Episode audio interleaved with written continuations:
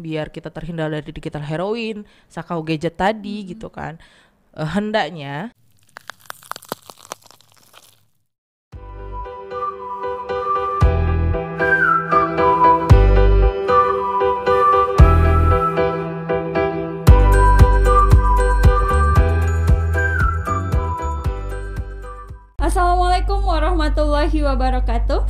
Datang di podcast ke-9 dari Madani Institute Empowering People. Mari bersama bergerak lakukan perubahan. Pada podcast Madani on the go episode kali ini Kita akan membahas sesuatu hal yang sangat menarik Yang bisa menjadi insight atau view bagi para pendengar semua kita bersyukur kehadiran Allah Subhanahu wa taala sampai pada podcast kali ini kita masih bisa bersama-sama mendengarkan uh, pemaparan dari uh, berbagai pemateri yang kita undang secara khusus di podcast Madani uh, on the go. Di studio kita pada kesempatan kali ini sudah hadir Ustazah Rahmania Madwa Ista SPSI. Beliau merupakan salah seorang trainer dari Madani Institute. Dan pada kesempatan kali ini kita akan membahas suatu hal yang menarik terkait dengan sudahkah anak kita ya? Sudahkah anak kita mampu untuk menggunakan gadget? Seperti itu ya. Mungkin dari kita semua kita sama-sama mengetahui bahwa Indonesia menjadi salah satu negara dengan pengguna gadget yang paling banyak seperti itu gitu ya. Jadi kita akan bahas dari sudut uh, psikologinya, dari sudut uh, durasinya, bagaimana mengontrol anaknya dan apakah anak kita sudah siap. Kita akan bahas mengenai hal tersebut pada podcast kali ini. Kita sapa dulu Ustazah Isti. Selamat siang Ustazah Isti. Assalamualaikum.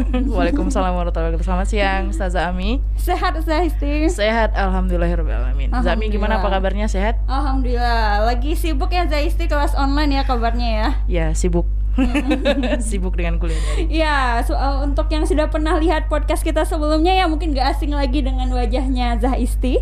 Ya kita Zaisti sekarang lagi magister yeah. uh, di USU ya Zah? Iya, yeah, magister profesi psikologi di Universitas Sumatera Utara. Mm -hmm. Fokusnya ke konsentrasi kekhususan psikologi pendidikan. Psikologi pendidikan ha. ya. Jadi kita nanti akan bahas juga sedikit ke arah situ mungkin ya mungkin banyak ya banyak ke arah situ. boleh, Karena boleh, memang boleh, boleh. Uh, pro uh, Zaisti spesialisnya ke arah situ gitu gitu ya. Hmm. Jadi uh, ayah bunda dan pendengar semua yang mendengarkan podcast Madani kali ini, kita sekarang akan uh, langsung saja ini kita akan memulai uh, podcast kita pada kesempatan kali ini. Zaisti kemarin kalau tidak uh, kalau tidak salah itu ada di Facebooknya Madani diumumkan ada survei ya Zaisti terkait yeah. dengan penggunaan gadget pada orang tua di satu perguruan madani. Benar Zaisti? Ya benar.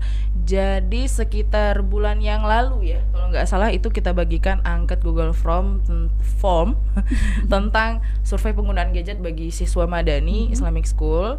Jadi dari uh, angket yang tersebar, survei yang kita dapatkan, kita memiliki responden sebanyak 612 siswa Wah. dari kurang lebih 1.200 siswa. Berarti lebih dari 50% ya? Iya, alhamdulillah lebih dari 50%. Jadi memang karena pandemi ini sepertinya tingkat penggunaan gadget pun baik di kalangan uh, para pelajar sepertinya jauh lebih meningkat mm -hmm. begitu kan. Jadi kemarin lewat diskusi kita dalam MI kita juga sempat membahas masalah gadget. Jadi akhirnya kita uh, mengangkatlah sebuah tema ini lalu membagikan survei tentang penggunaan gadget. Jadi beberapa nanti hasilnya akan kita uh, bagikan kepada uh, pendengar kita semuanya.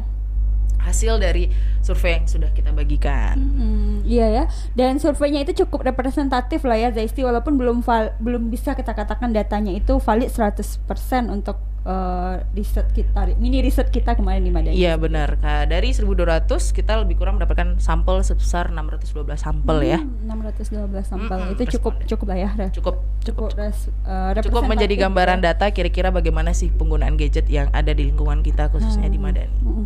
Mungkin bisa kita bahas secara general gitu Zaisti kira-kira kemarin poin-poin apa saja yang uh, kita survei kemarin dan bisa kita jabarkan pada podcast kesempatan kali ini. Oke, mungkin bisa nanti kita perjabar sebarkan di masing-masing pertanyaan yang mungkin ayah bunda sudah isi juga ya uh, uh, surveinya. Jadi insya Allah nanti akan kita sama-sama bahas dalam rangkuman dari hasil survei yang sudah kita bagikan. Mm-hmm. Nah sebelum uh, kita membahas survei lebih lanjut, mm-hmm. mungkin masih ada yang kira-kira uh, belum mengetahui kira-kira yang termasuk gadget itu apa sih kan begitu? Mm-hmm. Atau misalkannya yang kategori gadget itu apa sih? Nah mm-hmm. sebenarnya kan kalau dari segi uh, bahasa atau dari segi pengertian gadget itu adalah perangkat elektronik yang berukuran kecil yang memiliki fungsi khusus. Mm-hmm. Contohnya ada laptop, ada tablet, ada smart TV mm-hmm. atau television dan yeah. ada handphone mm-hmm. gitu kan. Empat kategori ini juga sudah bisa kita bilang bahwa itu gadget. Mm-hmm. Dan memang dari survei kita empat hal tersebut yang rata-rata digunakan oleh para orang tua kita dan juga anak-anak kita di Madani. Iya benar ya. Tapi orang-orang merasa gadget itu hanya handphone ya, Zaisti ya. Iya. Oh, gitulah kira-kira. Jadi, Jadi sebenarnya sebenarnya banyak ya banyak yang mm. yang berfungsinya khusus mm gitu. Emang fungsinya secara khusus. Mm Dan balik lagi Zaisti ke hasil survei kita mm yang tadi, uh, bagaimana hasil survei yang pertama yang bisa Zaisti okay. jabarkan? Oke. Yang pertama adalah uh, dari uh, angket yang kita sebarkan kita bertanya uh, jenis gadget yang digunakan oleh uh, anak apa gitu yang sehari-hari kerap digunakan oleh anak. Dan dari hasil survei 93% pengguna uh, gadgetnya menggunakan handphone. Ya, yeah. mm -mm. lebih banyak sudah kita duga handphone. mungkin ya karena yeah. memang handphone Android uh, sekarang berjamur sekali. Memang. Mm -hmm. Dan sisanya 7% barulah smart TV, laptop, mm -hmm. tablet mm -hmm. begitu. Nah, cukup merajai 93 persennya hmm. memang handphone dan itu uh, berarti dan dari surveinya kemarin juga kita sempat bertanya apakah anak memiliki akses gadget sendiri atau bersama orang tua. Iya. Itu di survei sebelumnya ya kalau nggak salah sebelum pandemi. Hmm. Nah itu juga sudah banyak dari anak-anak kita yang punya gadget sendiri iya. di kalangan SD begitu. Hmm, hmm, hmm. Agak cukup mencengangkan ya, maksudnya.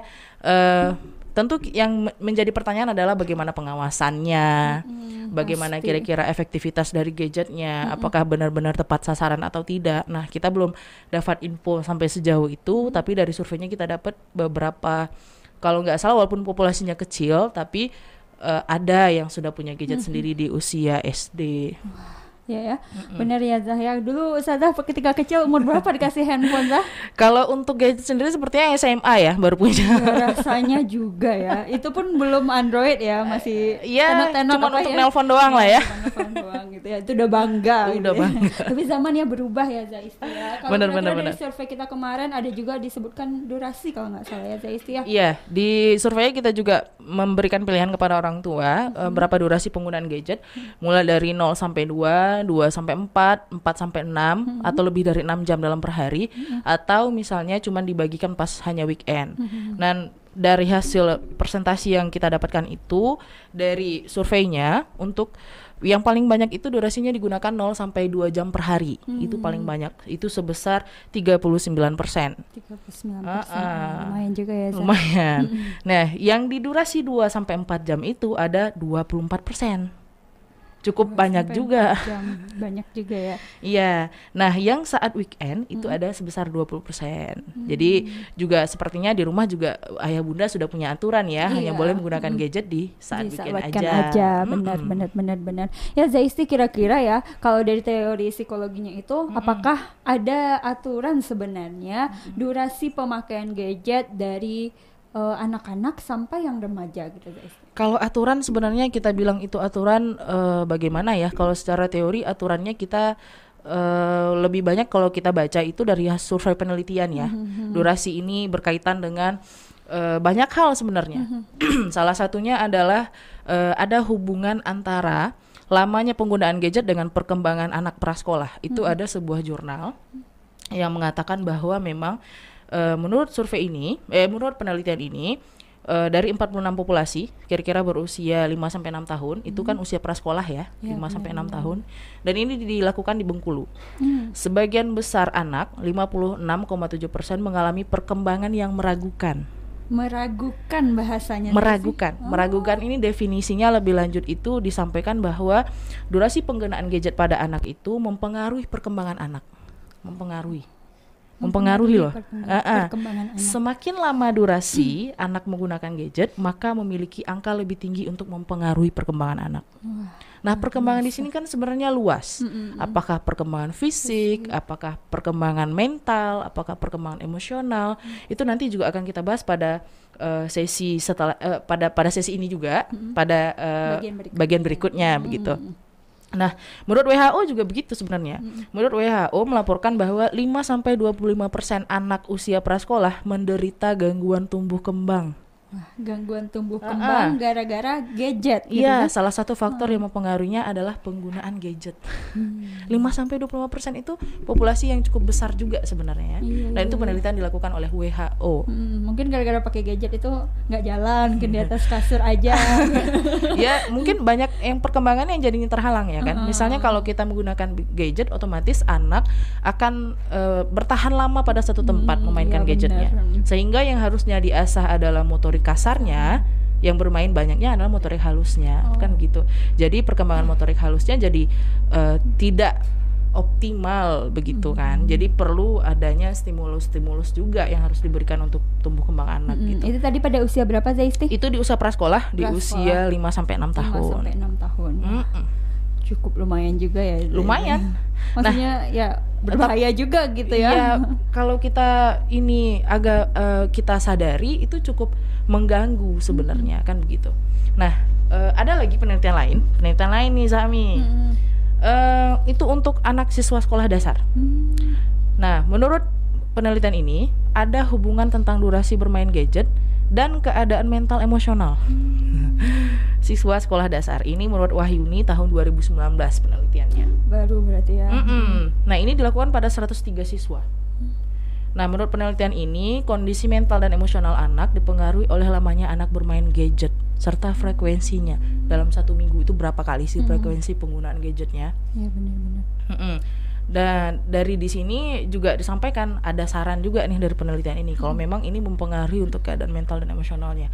Bahkan dia juga menyebutkan timbulnya eh, lamanya penggunaan gadget ini juga menimbulkan adanya sikap agresivitas.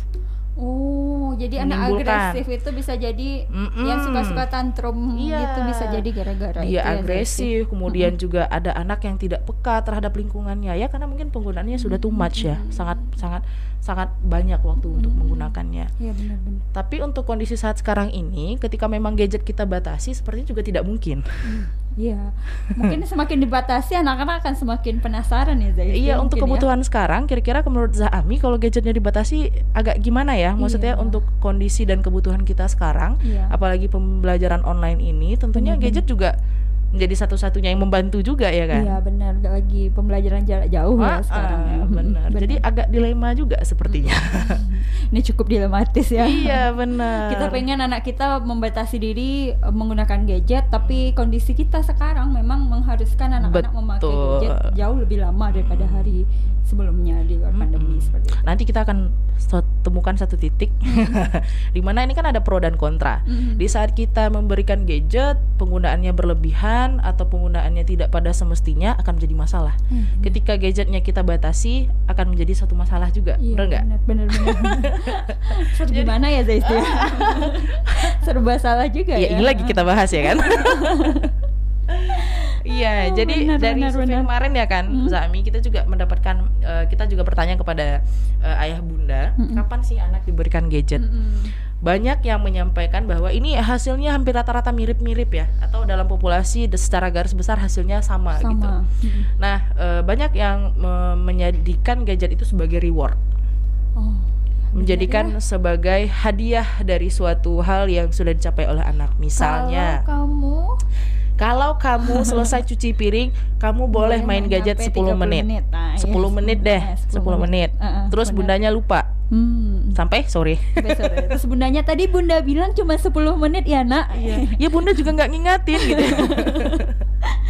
Bener, Iya, bener, jadi bener. ada yang menjadikan reward, ada juga yang memberikan gadget ketika anaknya sudah mulai bosan, Mhm. sudah mulai rewel ya kan. Nah, it- eh, kemudian juga ada dijadikan sebagai pengalihan untuk anak. Nah, menjadikan sebuah pengalihan ini juga harus hati-hati, ya kan. Iya, jadi benar. pengalihan lama-lama gadget terus jadi pe- pengalihan akhirnya anak jadi butuh ya kan Hmm, jadi kayak ketika makan dikasih gadget, Dialihkan, gitu. dialihkan. Nanti kebablasan. Nangis, dikasih gadget langsung. iya biar diem ya kan diem. Heeh. Oh, iya, bunda bener. juga mau WA-an jadi anak pakai dulu nih handphone ayah buat nonton YouTube Ya, ya.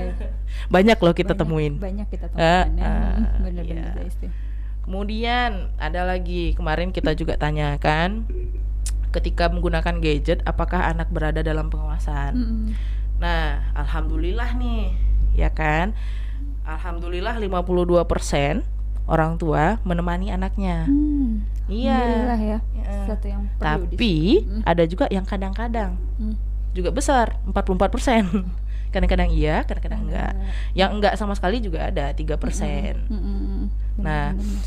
Kalau yang dalam pengawasan ini sebenarnya juga harus menjadi salah satu eh, apa ya, salah satu hal yang harus kita perhatikan. Karena anak dalam usia sekarang ini, baik kita itu usianya TK, Mm-mm. SD ataupun sudah remaja, ketika memang penggunaan gadgetnya tidak di dalam pengawasan, itu juga harus menjadi salah satu yang dikhawatirkan. Hmm. Kenapa? Karena kalau sekarang ini bisa kita sama-sama tahu nih, kita nonton YouTube, terus iklan, Hmm. Ada adv- eh, advertisement yang keluar-keluar tuh iklan-iklan Iya. yang keluar itu kan juga kadang-kadang nggak kita klik terus kemudian keluar aja keluar ya. aja dan Hmm. apa yang keluar itu kita nggak pernah bisa kontrol ya kan dan kadang-kadang ketika kita tidak dalam pengawasan bermain gadget bersama Hmm. anak ya otomatis kita juga nggak bisa kontrol lah apa yang bisa mereka tonton itu Iya. juga harus menjadi kewaspadaan kita bersama Mm-mm. Padahal juga sebenarnya kalau orang tua mau lebih melihat lebih dalam ya Hmm. Zaisti, itu bisa diatur ya Zah kayak umur eh maksudnya jam berapa handphone bisa dimatikan. Iya, sekarang kan gitu. sudah banyak ya ada kayak. YouTube Kids, ada Ya, YouTube eh, Kids. kayak ada settingan-settingan yang memang bisa kita batasi tontonannya Mm-mm. gitu kan. Mungkin Benar, nanti eh, ada sesi khusus yang akan kita bahas tentang proteksi tentang penggunaan tontonan ini gitu loh. Bagaimana cara memproteksinya ah, Zaisti. bagaimana Oh, jadi pantengin terus ya podcast dari Madani on the go gitu ya. Ya, Iya. eh, berikutnya Zah Isti, Mm-mm. eh, kalau tadi kita ber- berbicara tentang du apa tadi durasi sudah, Mm-mm. kemudian eh, ka- apakah di- Pengawasan. diberikan pengawasan, apalagi berikutnya Zah Isti? Berikutnya ada em, apa sih yang sering diakses oleh anak? Hmm. Ini juga eh, menjadi eh penting ya kan apakah bermain game apakah menonton YouTube gitu kan? Kalau yang dari survei ini kita dapatkan 66% eh, siswa kita ketika menggunakan gadget itu aksesnya adalah YouTube. Sisanya adalah 34% yaitu bermain game mengakses browser dan lain-lain sebagainya gitu. Tapi memang jadi fokusnya sekarang adalah tontonan YouTube. Terus tontonan YouTube-nya apa sih? Hmm. Nah, dari survei yang kita ya. dapatkan tontonannya juga masih belum apa ya, banyak juga tontonan yang kita dapat dari hasil survei belum sesuai dengan usianya. Hmm. Kebanyakan nonton vlog, vlognya ya eh belum sesuai lah dengan usianya kalau kalau dari segi usia kita nilai gitu kan. Karena konten-konten vlognya lebih banyak konten-konten yang memang usianya sudah eh, dewasa gitu untuk adult gitu. Nah, kalau sedangkan siswa-siswa kita baru sampai SMP ya kan. Iya benar benar benar benar. Berarti kan kalau dari survei itu terlihat bahwa hampir semua gadget itu tersambung internet ya Zaisti ya. hampir semua Hampir semua ya. Ha- hampir semua kalau nggak asa eh, anda tidak salah hanya dua persen yang tidak tersambung dengan internet Hmm. ada juga yang menonton dengan smart TV dan eh, ada juga orang tua yang memang tidak ada akses di rumahnya kecuali internet TV-nya tidak punya jadi aksesnya hanya dari dari handphone Android-nya aja gitu. Kalau dari TV kalau sekarang kan kita bisa nonton YouTube juga dari TV kalau rasanya dari TV itu agak masih safe ya karena masih bisa kita tonton secara bersama. Kalau dari handphone kan kita anaknya di kamar bundanya di mana ayahnya di mana Mm-mm. nggak ada yang tahu apa yang tontonannya kan gitu. Iya Zaisti benar juga ya. Kalau dari hasil survei kemarin tuh apalagi ya Zah? Untuk berikutnya? Heeh, jadi karena populasi bermain gamenya cukup banyak, ada sekitar 33% ya. Jadi eh iya 33% ya kalau nggak salah tadi. Ya 34% Mm-mm. ada bermain game dan mengakses browser. Kita juga sempat tanyakan eh, kalau kita buka di iOS di App Store ataupun yang pakai eh, iPhone itu kan kalau di App Store-nya itu ada atau di Play Store itu ada game yang di-download terus di keterangannya di deskripsinya ada tanda 3 plus 6 plus atau eh, ada utus eh, batasan usia tertentu. Hmm. Nah, kita juga sempat tanyakan Iya. apakah ayah dan bunda eh, memainkan eh, anak-anaknya memainkan permainan yang sesuai dengan usianya. Nah, jawabannya alhamdulillah sekali nih. Ayah bundanya juga cukup sudah waspada dengan itu semua dan alhamdulillahnya sudah memainkan game sesuai dengan usianya. Sesuai dengan usia. Mm-mm, walaupun eh, masih ada sekitar 9% yang tidak peduli dengan batasan usia yang diberikan oleh eh, si penyedia layanan game ini gitu. Iya benar ya. Terus berikutnya Zaisti, apakah orang tua itu memberikan anak apa ya kayak aturan gitu? Ada juga di Hmm, survei ada. Kemarin kita juga sempat menanyakan apakah eh, orang tua memberikan aturan terhadap penggunaan gadget.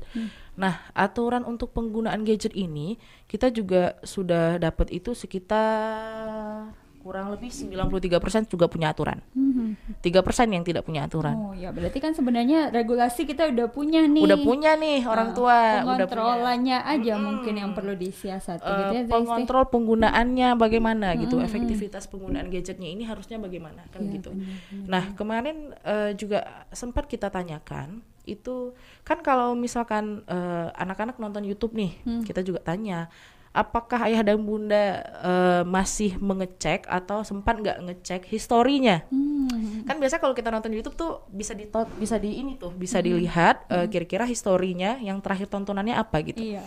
itu juga bisa jadi salah satu kontrol ya Iya, eh, tentang tontonan anak-anak ini Benar. Banyak yang tidak mengontrol Banyak yang tidak 74% dari ayah bunda kita tidak mengecek Mengecek histori histori akhir anak. tontonan anak-anaknya apa Sebenarnya gitu. history browser, history apa semuanya bisa, Bisa semua dicek, bisa Hmm, semua dicek. semua. Eh, dan kira-kira di usia-usia anak kita ini TK, SD, SMP rasanya mereka juga ada yang belum paham dengan histori. Kita masih bisa kontrol lewat situ sebenarnya gitu kan. Sebenarnya Walaupun gitu ya. eh, kadang-kadang em, bisa jadi eh, anak-anak kita SMP mungkin yang sudah agak paham tentang histori ini ya gitu. Tapi kalau misalkan eh, punya ponaan nih, anak punya ponaan eh habis main handphone gitu kan historinya atau kita sambil dia nonton YouTube kan kita juga dengar itu juga eh, yang ditonton itu mesti jadi jadi apa ya jadi perhatian lah untuk kita.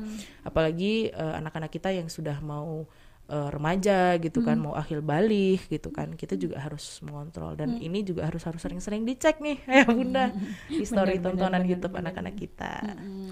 untuk jaga-jaga Iya, pengawasan kita. harus ya. Karena kalau anak sekarang memang sepertinya butuh aturan yang cukup jelas gitu ya Zaisti dalam penggunaan gadget. betul. Eh, kalau di kita perhatikan dari awal pembicaraan terlihat gadget itu eh, dampak negatifnya jauh lebih banyak ya eh, ayah bunda pendengar semua daripada dampak positifnya gitu ya Zaisti. Tapi sebenarnya ada ya Zaisti positif dan negatifnya itu cukup seimbang sebenarnya. cukup seimbang tergantung dari bagaimana kita menyikapi eh, penggunaan gadget ini. Kalau dari dampaknya secara negatif tadi kita sudah sempat paparkan begitu kan. Ada memang eh, mempengaruhi untuk tumbuh kembang. Itu penelitian hasil dari sebuah penelitian. Kemudian mempengaruhi terhadap mental dan emosional anak. Kemudian juga secara fisik adalah ada matanya gitu kan. Lama-lama menatap gadget dengan radiasi kan juga lumayan Zami. Kemudian ada juga yang akhirnya eh, menonton atau bermain handphone kemudian sambil tiduran, sambil duduk, postur duduk yang salah, akhirnya postur tubuhnya juga eh, jadinya eh, tidak tidak sesuai pada ini. Eh, toh ketika kita duduk berdiri begini tegak gitu kan ketika memang eh, kita fokus dalam waktu yang lama ketika kita posisinya salah kan itu menyebabkan pegel juga Mm-mm, benar-benar. kalau pegel berarti kan ada sesuatu yang tidak nyaman, berarti Ya. ada sesuatu yang Salah, salah gitu. Jadi itu juga berpengaruh nanti terhadap tumbuh kembangnya secara fisik, Mm-mm. Apalagi ya Zaisti kira-kira. mengganggu pendengaran. Pasti ya. Karena kalau misalkan eh, bermain gadget terus tiba-tiba dia sering pakai headset misalnya, terus dia suka nonton yang eh, atau main game misalnya dengan volume yang besar kan itu juga mempengaruhi gitu. Toh kalau misalkan eh, sekarang anak-anak lagi main handphone kita panggil aja entah karena mereka fokus atau karena mereka nggak dengar jadi susah bedain ya ya kan. Ya, ya. Dipanggil udah nggak nyaut ya kan. Jadi kita perlu curiga nih ayah bunda kalau seandainya pendengar semua kalau seandainya anak-anak kita kita panggil nih betul. nggak nyaut Wah, gitu ya. itu berarti sudah eh, terlalu fokus dengan handphonenya ya kan? Uh, uh. kemudian juga ada nanti berpengaruh terhadap konsentrasi. Karena eh, lama-lama bermain dengan gadget sebenarnya eh, banyak hal ada hal negatif ada hal positif juga ya. Kalau sekarang kita bahas tentang negatifnya ada juga yang akhirnya jadi kayak istilah sekarang itu sakau gadget ya pernah Zami dengar Iya, sakau iya, gadget? iya, iya, benar, pernah? kalau nggak dikasih gadget ya. kalau bikin candu. Bikin bener candu. Eh, addiction. bener ya, bener, addiction bener bener berarti dan ketika memang eh, mereka bermain gadget dengan waktu yang lama Heeh. kemudian gadgetnya kita tarik atau kita eh, tidak kasih akses ke mereka mereka seperti kehilangan arah. Hmm, hmm, hmm. pernah lihat? Pernah pernah pernah pernah. jadi mereka kayak kebingungan harus ngapain gitu. jadi eh, sudah ketergantungan. Berarti kalau ciri-ciri tersebut sudah mulai terlihat maka eh, waktu penggunaan gadgetnya berarti sudah agak berlebihan gitu. udah sampai sakau dia ya kan? Sampai candu dia menggunakan gadget. Berarti itu udah satu-satu ciri-ciri yang itu harus kita waspadai gitu. Karena itu terus berlanjut kondisinya akan semakin memburuk pastinya. Iya, iya, iya, Nah, betul, betul. kalau kita bahas yang buruknya ya buruk terus lah. Terusnya. Padahal kan neg- gadget Ah, juga ah. ada sisi Padahal positifnya sebenarnya kalau kita sebenarnya. ya. gunakan kalau kita gunakan dengan eh, apa namanya dengan eh, kondisi yang eh, pada semestinya Hmm. istilahnya eh, atau lebih dibilang tidak berlebihan gitu. Hmm. Tidak berlebihan itu memang eh, segala sesuatu itu baik, ya kan? Mm-mm. Baik. Tapi, kalau udah berlebihan, Ah, ah, tetap aja yang berlebih-lebihan itu tidak nggak baik, gitu benar, kan. Benar, benar, Nah, benar. kalau secara positifnya dampak gadget ini bisa eh, mempermudah komunikasi, Hmm. ya kan? Kalau untuk anak-anak 3 sampai 5 tahun itu bisa membantu untuk menambah kosakata. Oh, kalau Iya kan? penggunaannya tepat ya. Kalau penggunaannya tepat, itu Benar, butuh benar, butuh apa ya? Butuh sebuah eh, keterampilan juga untuk kita orang tua. Hmm. Kita juga sama-sama belajar gimana sih caranya agar gadget ini jadi efektif ya kan? Iya, benar. Eh, di anak usia dini pun misalnya 3 sampai 5 tahun ketika Hmm. penggunaannya tepat bisa untuk menambah kosakata mereka, Hmm. membantu mereka untuk lebih cepat menambah Ah. kosakata. Kemudian komunikasi menjadi mudah, kemudian pengetahuan bertambah. Iya. Eh, metode belajar yang baru seperti kita Hmm. pembelajaran daring ini apabila pembelajarannya tepat, metodenya tepat, insya Allah juga memudahkan anak-anak Iya, kita gitu loh. Kita ya. Kemudian juga mengajarkan anak-anak untuk eh, pokoknya di gadget itu kan dia mempunyai banyak lah informatif sekali tentang tentang banyak hal gitu. Jadi kalau misalkan memang kita eh, bisa menggunakannya dengan cara yang tepat, itu juga akan dampak positifnya juga akan lebih banyak Lebih gitu. banyak, ya. Tapi kuncinya yang tadi tidak berlebih-lebihan. Benar, Mm-mm. benar, benar, benar. Eh, berikutnya Zaisti, apakah kita eh, ada ada adakah penelitian atau apa gitu ya eh, yang pernah eh, eh, Ana dengar? Itu tuh kalau kita menggunakan gadget akan eh, mengakibatkan obesitas salah satunya. Seperti Iya itu juga salah satu dampak negatifnya gitu kan. Karena memang seperti yang kita tahu lah gadget itu digital heroin. Hmm, benar, benar. jadi memang kalau memang udah kecanduan itu ya bisa sampai males makan. Atau kayak tadi obesitas terlalu banyak makan gitu kan sambil nonton terus ngemil-ngemil masuk terus.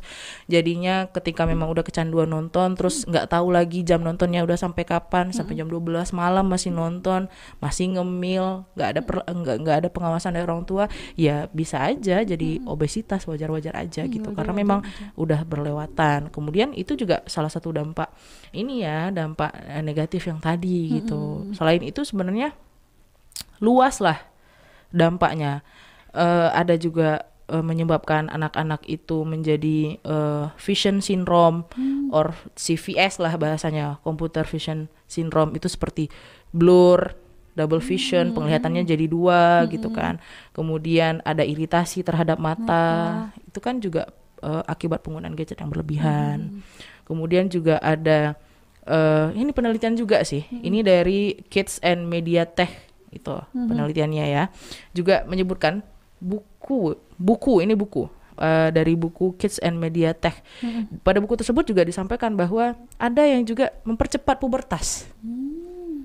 Jadi matangnya lebih cepat Iya, daripada usianya. Yang harusnya misalnya pada usia 12 atau usia 11 gitu kan, ini pubernya bisa jadi usia 8 atau usia 9. Hmm, makanya anak sekarang itu lebih cepat eh, head atau menstruasinya dibanding anak Betul, iya jadi baliknya lebih Oh, cepat lebih gitu. cepat ya. Mm, jadi membuat antisosial. Mhm, Ada juga kalau misalkan sudah mulai mengenal media sosial, Mhm. bisa juga nanti jadi korban cyberbullying kita nggak pernah tahu ya. Karena nanti sudah tiba-tiba punya akun Instagram sendiri punya akun Facebook sendiri gitu kan. Kita nggak pernah tahu. nggak tahu betapa kejamnya netizen. Betul, betapa kejamnya netizen. selain sebenarnya, selain sebenarnya kalau penggunaannya tepat, aksesnya benar, kontennya pas, banyak juga kok youtuber anak-anak, Iya. bener nggak? Bener bener bener. bener. Eh, eh, karena Yang apa? diarahkannya tepat ya. Iya, gitu, kontennya. eksploit, eksploitasi. gitu Iya, ya. karena kontennya tepat, eh, kemudian memang eh, isinya memang edukatif gitu loh. Jadi penontonnya juga banyak. Mm-mm. Kalau penggunaannya balik tadi, penggunaannya tepat. Kalau tep- eh, kita tidak mengawasi dengan benar-benar gitu kan, kayak tadi lah cyberbullying, netizen maha benar gitu kan. Terakhir-akhir kita pernah dengar eh, berita tuh artis, terus ada ko- komen netizen yang haters gitu kan, tiba-tiba eh, komennya yang kasar banget. Ternyata pelakunya adalah anak, SMP. Anak-anak SMP ya, benar benar benar benar ya. Itu kan juga cukup sangat mencengangkan kita gitu loh. Berarti Maka pola sudah pengawasan ini yang penting sudah sekali ya, seluas Desi. itu penggunaan gadget di Iya. negara kita gitu. Jadi eh, kalau itu siklusnya nasional di tempat kita pun bahkan mungkin salah satunya kita nggak pernah tahu gitu kan. Iya. Adakah anak-anak kita ya. gitu kan? Wallahu a'lam. Mudah-mudahan nggak ada ya Zami ya. Hmm, mudah-mudahan nggak ada. Mm-mm. Karena kita tadi lihat orang tua mengawasi ya. Benar, benar, benar, benar, benar. Zaisti, apakah ada apa ya kayak penelitian atau studi tentang apakah seharusnya nih anak kita tuh terekspos, terpapar langsung dengan gadget atau memang nggak boleh lah sama sekali sebenarnya kayak gitu. Eh, ada sebuah studi eh, ini tentang penggunaan gadget ya. Kalau anak 0 sampai 2 tahun itu eh, lebih baik atau seharusnya tidak terpapar lah dengan gadget. 0, 0 sampai 0 sampai 2 tahun. 2 tahun. Golden age eh. Golden age. Mau itu bilang belum golden, hour. age. Itu belum golden, Golden age. belum ya? Baru sangat-sangat baru lahir ya, balita sekali. Ah iya iya benar benar. Bener ya? Benar. Usia 3 sampai 5 tahun itu jatahnya cuma satu jam per hari. Satu jam per hari. satu jam per hari kayak tadi lah bisa menambah kosakata anak Iya, gitu benar. kan dari sebuah penelitian kita juga bisa dapatkan itu kemudian lima, eh, 6 sampai 18 tahun berapa lama sih maksimal hanya dua jam per hari 18 tahun nih Zaisti. 2 sampai 18 tahun Oh, maksimal 2 jam per Maksimal hari cuma 2 jam. Mm-mm. Baiknya. itu baiknya idealnya Idealnya ya. Tapi kalau Idealnya. kondisi sekarang pembelajaran jarak jauh tentu kita menyesuaikan. Iya, ya, kalau ini ya. kita juga su- cukup surprise ya. Wali murid kita atau eh, ayah bunda di rumah juga sudah sesuai nih 5 6 sampai 18 tahunnya 2 jam per hari. jam per seperti hari. survei kita tadi ya Iya, kan. benar-benar. Walaupun ada juga yang lewat dari waktunya gitu. Nah, mungkin ke depannya eh, bisalah kita minimalisir waktu penggunaan gadgetnya. Bagaimana sih kan kalau misalkan orang tua bisa aja nih bilang sekarang nih, ah ustazah mah bilang aja ngontrolnya mah susah ya Iya, kan. benar.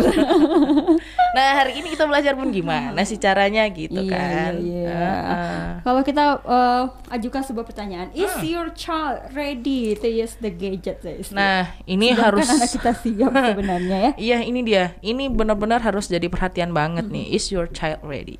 Eh, gimana sih kita bisa menentukan anak kita siap atau enggak guna- menggunakan gadget? Ini butuh banyak persiapan loh. Hmm. Butuh persiapan Zami. Iya Zaisti paham paham. persiapan main gadget loh. Iya iya. iya. Jadi persiapan apa saja nih Zaisti? Iya perlu digarisbawahi Iya, persiapan persi- menggunakan gadget. Persiapan menggunakan gadget baiklah. Apa aja Zaisti? Ya kalau misalkan eh, ini nih eh, contoh kecil aja.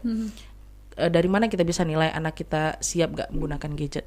Ketika memang eh, kita eh, tahu anak kita bisa berkembang secara kemampuan sosial dan emosional.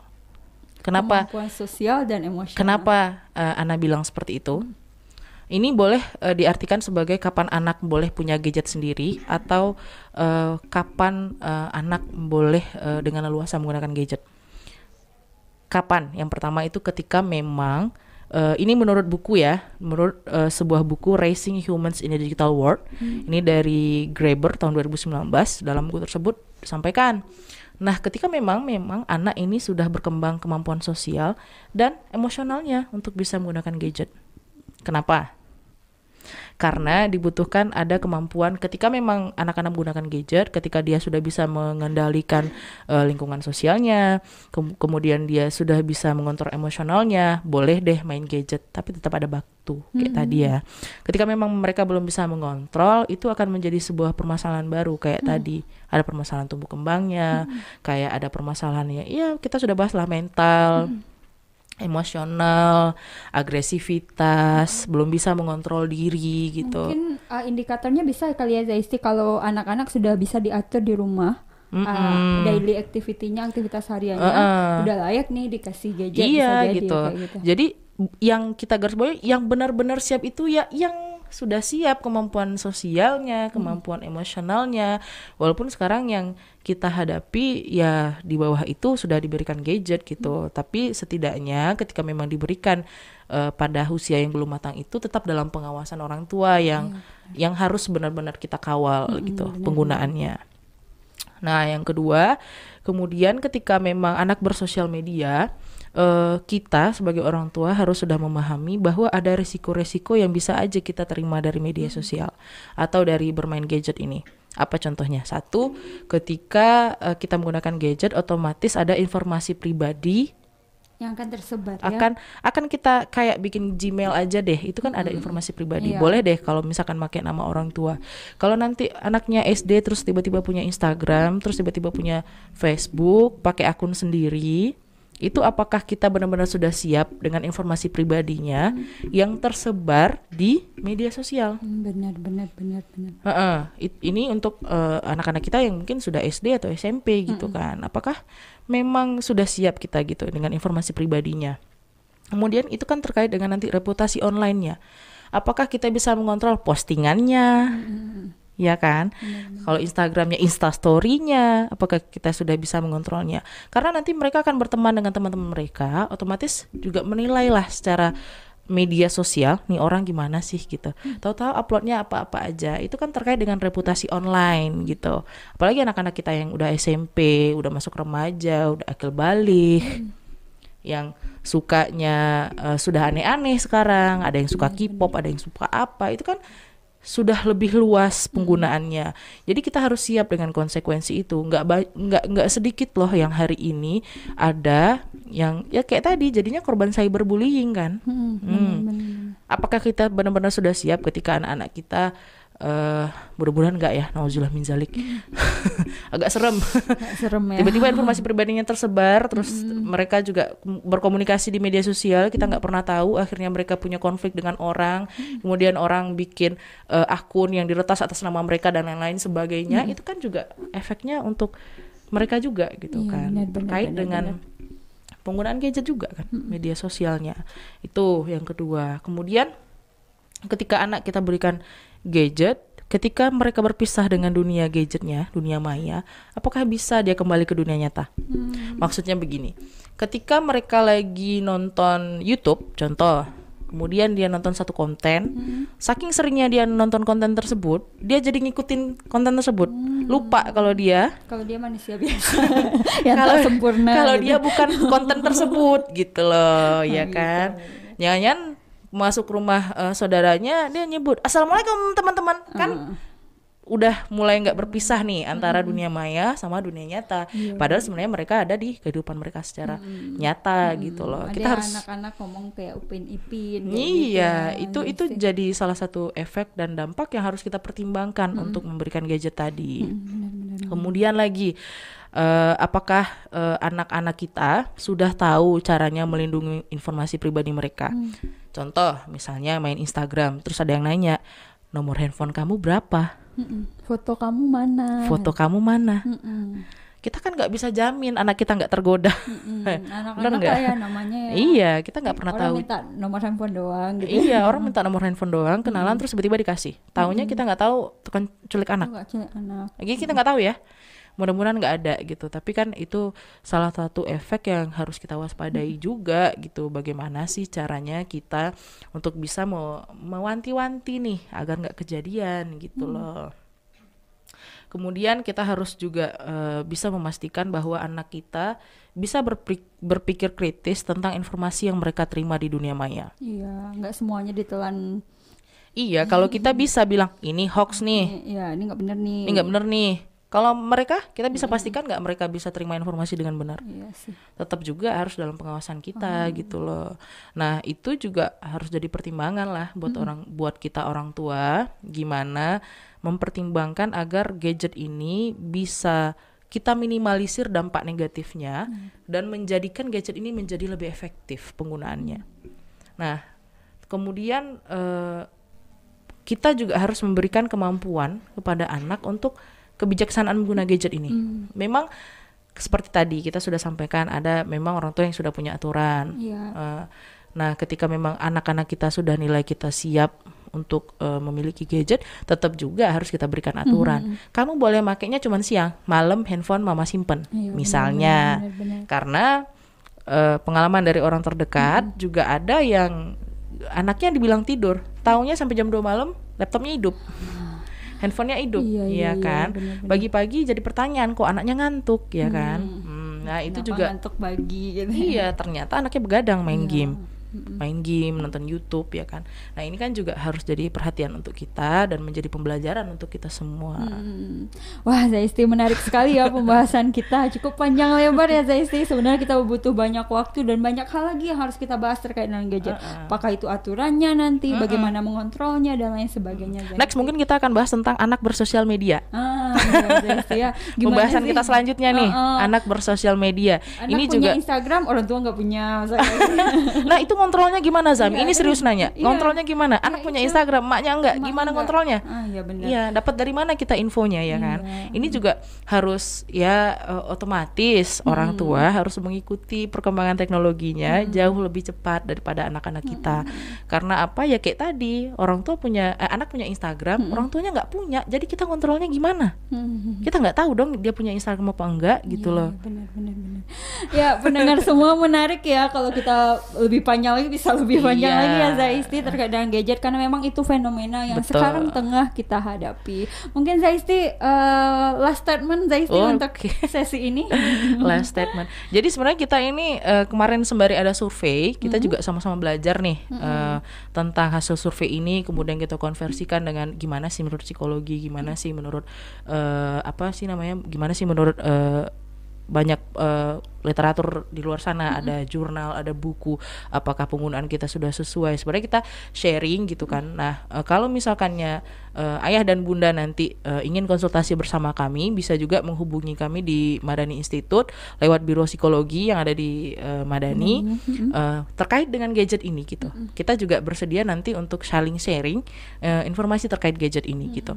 Nah sebenarnya eh, kalau misalkan diberikan last statement eh, gimana ya Kesimpulannya gitu Zaisti. dari Iya, pembicaraan oke. kesimpulannya, gitu di balik pro dan kontra penggunaan gadget ini, di balik positif dan negatifnya, negatifnya yang eh, dinilai cukup banyak.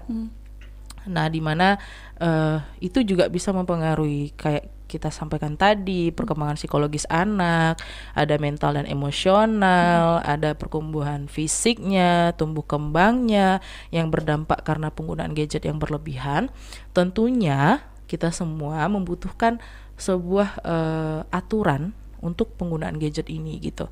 Mungkin ayah bunda di rumah yang sudah punya aturan eh, itu sudah cukup membantu terhadap tumbuh kembangnya. Yang harus dilakukan berikutnya adalah konsistensinya. Karena kadang-kadang kita punya aturan konsistensinya nggak jalan. Ya udahlah kasihan sama anak gitu kan. Kasihan daripada nggak ada kegiatan, gabut nih, mag, eh, eh, nggak nggak ada kegiatan apa-apa gitu. Ya udah main gadget aja. Jadi gimana caranya untuk eh, kita membuat sebuah aturan bersama anak? Bagusnya kita sepakati kira-kira kebijaksanaan antara orang tua dan anak itu terhadap eh, pengambilan eh, pengambilan keputusan terhadap aturan-aturan yang disepakati bersama ini bisa bersama duduknya gitu loh. Contoh misalnya eh, penggunaan handphone ini hanya boleh eh, sampai eh, habis isa satu jam. Masing-masing orang satu jam itu harus benar-benar dijalankan Iya, kalau udah satu jam HP disimpan orang Eh, tua. iya kalau udah gitu satu ya. jam handphone disimpan Mm-mm. kalau enggak ya otomatis nanti lama kelamaan ketidakkonsistenan itu berjalan terus Iya benar-benar. jadi itulah kebablasan Hmm. gitu jadi di samping eh, aturan yang kita buat kita harus konsisten dengan itu semua kebijaksanaan dalam memberikan handphone kepada an- anak Hmm. aksesnya bagaimana eh, kemudian agar apa? Agar dampak negatif tadi bisa tertutupi. Hmm. dan penggunaan handphone ini bisa lebih efektif digunakan. Memang maaf memang untuk menunjang eh, hal-hal yang positif Hmm. Iya, gitu benar. Ya Zaisti, apalagi yang kira-kira disampaikan untuk menutup pembicaraan kita pada kesempatan kali ini. Ya, jadi tadi juga eh, sudah kita bahas kan eh, bagaimana supaya ini dampak negatif berkurang dan ditimpal dengan dampak positif yang hendaknya bisa Benar, kita benar. dapatkan kan gitu biar penggunanya jauh lebih efektif. Nah, eh sebenarnya kalau untuk eh, statement terakhir ya kan eh, menjadi pertimbangan untuk kita semua atau boleh kita coba dan aplikasikan di rumah. Ketika memang kita ingin mengurangi frekuensi atau durasi menggunakan gadget mungkin kita bisa mengalihkan kegiatan anak-anak kita dari kegiatan online kegiatan ke kegiatan offline. Kegiatan offline itu bisa seperti bermain bersama saudara teman-temannya atau lebih banyak melibatkan eh, permainan atau kegiatan-kegiatan yang baru gitu atau misalkan menghadirkan kegiatan-kegiatan yang kira-kira patut nih dicoba salah satunya ada contoh Zami mau tahu contohnya Apa? berkebun Oh ya, berkebun Zaisti ya. Zaisti Contoh. lagi pendengar semua kalau nggak tahu Zaisti lagi suka berkebun sekarang. contoh simpelnya sebenarnya. Jadi kita bisa mengedukasi anak-anak kita dengan berkebun eh, yang simpel aja gitu. Jadi kegiatannya banyak teralihkan ke kegiatan yang outdoor, yang melibatkan aktivitas tubuh dan yang ya otomatis nanti ketika memang mereka berkegiatan di luar, mereka jadi lupa dengan gadget mereka gitu kan. Jadi eh, kegiatan mereka jauh lebih efektif lah mudah-mudahan gitu. Di samping mereka memang sedang belajar online ya Zami ya. Tapi kadang-kadang ada juga anak-anak ini belajar online katanya, terus tiba-tiba dia buka YouTube. Ada juga tuh. Itu kan juga butuh pengawasan kita. gitu. Iya, iya, iya. Eh, di di sini bukan artinya anak kita memang batasi pakai gadget sama sekali, bukan, bukan itu maksudnya. Tapi bagaimana penggunaannya jauh lebih efektif dan banyak memberikan dampak negatif dan meminimalisir dampak negatifnya. Agar apa? Agar digital heroin itu nggak nggak nggak ada gitu. Agar kecanduan, addiction itu nggak ada gitu loh. Nah, ya hal itu kan biar nggak jadi ini jadi eh, kecanduan anak-anak itu jadi berkurang gitu karena memang ketika memang kita akan memberikan eh, gadget kepada anak biar kita terhindar dari digital heroin sakau gadget tadi gitu kan Eh, hendaknya kita semua orang tua sebelum eh, anak-anak kita libatkan untuk menggunakan gadget ini harusnya anak dan orang tua siap Hmm. siap secara psikologis ataupun juga siap secara konsekuensi yang bisa saja kita dapatkan dari penggunaan gadget ini. Iya, Mm, benar benar benar.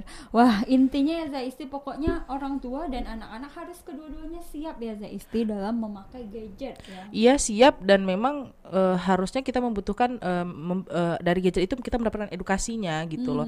Nggak hanya untuk bermain-main saja, bolehlah bermain sesekali, tetapi dalam batas waktu yang wajar dan penggunaannya tidak berlebihan. Kata kuncinya tadi tidak berlebihan. Ah. Karena kalau sudah berlebihan, kata kunci lagi nih digital heroin gitu Iya, kan. benar-benar. Nah, hendaknya kita jauh lah dari hal-hal itu dan banyak eh, membuat sebuah kegiatan atau meramu kegiatan-kegiatan yang melibatkan eh, aktivitas fisik gitu atau kegiatan-kegiatan lain yang eh, pokoknya mengalihkan lah dari gadgetnya. Bisa nanti juga melukis gitu kan, Memasak. memasak. Kan kalau zaman pandemi gini eh, kayaknya banyak deh ak- aktivitas-aktivitas baru yang dulu nggak kepikiran nih sama orang-orang, sekarang dikerjain. Kerjain ya. Ya contoh kecil kayak tadi gardening, berkebun itu kan hal yang simple dan eh, mudah-mudahan bisalah membantu kita untuk eh, enggak melulu menggunakan gadget dan memakai seperlunya agar kita bijaksana dan memang dua-duanya siap orang tua dan anak juga harus siap dua-duanya. Ah ya, Zaisti terima kasih sekali ya Zaisti sudah sama- meluangkan waktunya di tengah tugas online yang Oh. banyak ya tahu kuliah-kuliah online itu memang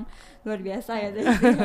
Mudah-mudahan bermanfaat ya ayah bunda pendengar semua apa yang kita sampaikan kali ini dan juga bermanfaat bagi Zaisti. Amin, amin, Jangan insyaallah. bosan-bosan untuk berkunjung ke studio Iya. Madani. Insya Allah, Dan mudah-mudahan. nanti uh, mungkin kita akan ada lanjutannya ya Zaisti Mm-mm. dengan pemateri yang lain atau masih dengan Zaisti dengan topik-topik yang masih seputar gadget atau topik-topik lain yang akan Betul. muncul di podcast kita. Mm-mm. Jadi semuanya ya Bunda, pendengar semua tetap ya saksikan selalu podcast kita yang ada di YouTube-nya um, Madani Institute, Institute Official. ya. Dan kalau Madani sendiri apa YouTube-nya Zaisti? Madani Islamic School Official Iya, dan Madani Institute Official. Official. Ah ya. Jadi Jangan lupa subscribe. Ah ya, jangan lupa di like, comment Dan subscribe. Kemudian jangan lupa kalau merasa ini bermanfaat, mohon dibagikan ke semuanya ya. Iya. Ya, jadi untuk kali ini ditutup dulu ya Zai Istri. itu Iya, ya. mudah-mudahan bermanfaat. udah, udah itu ya jadi Zai Istri. Mudah-mudahan bermanfaat. bermanfaat, Iya, dan ya. menjadi pembelajaran untuk kita Uh-uh. semua. Terima kasih sudah mengundang Madani Institute. Mudah-mudahan nggak kapok ngundang ya.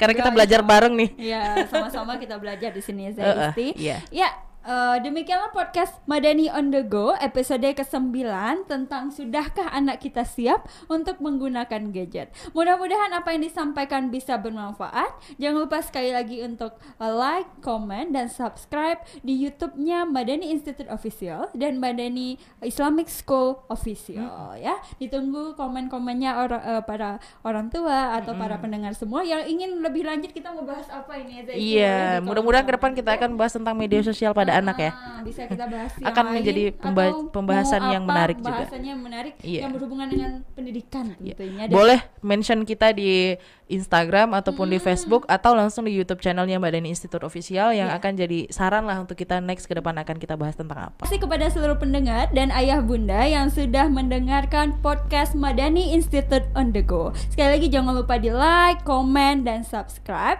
Dan juga boleh nih di kolom komentar dicantumkan apa yang ingin uh, didengar apa atau apa yang ingin diketahui lagi tentang pendidikan atau tentang apa saja yang mungkin bisa kami tampilkan di podcast Madani berikutnya. Sampai jumpa di podcast yang ke-10 Madani Institute Empowering People.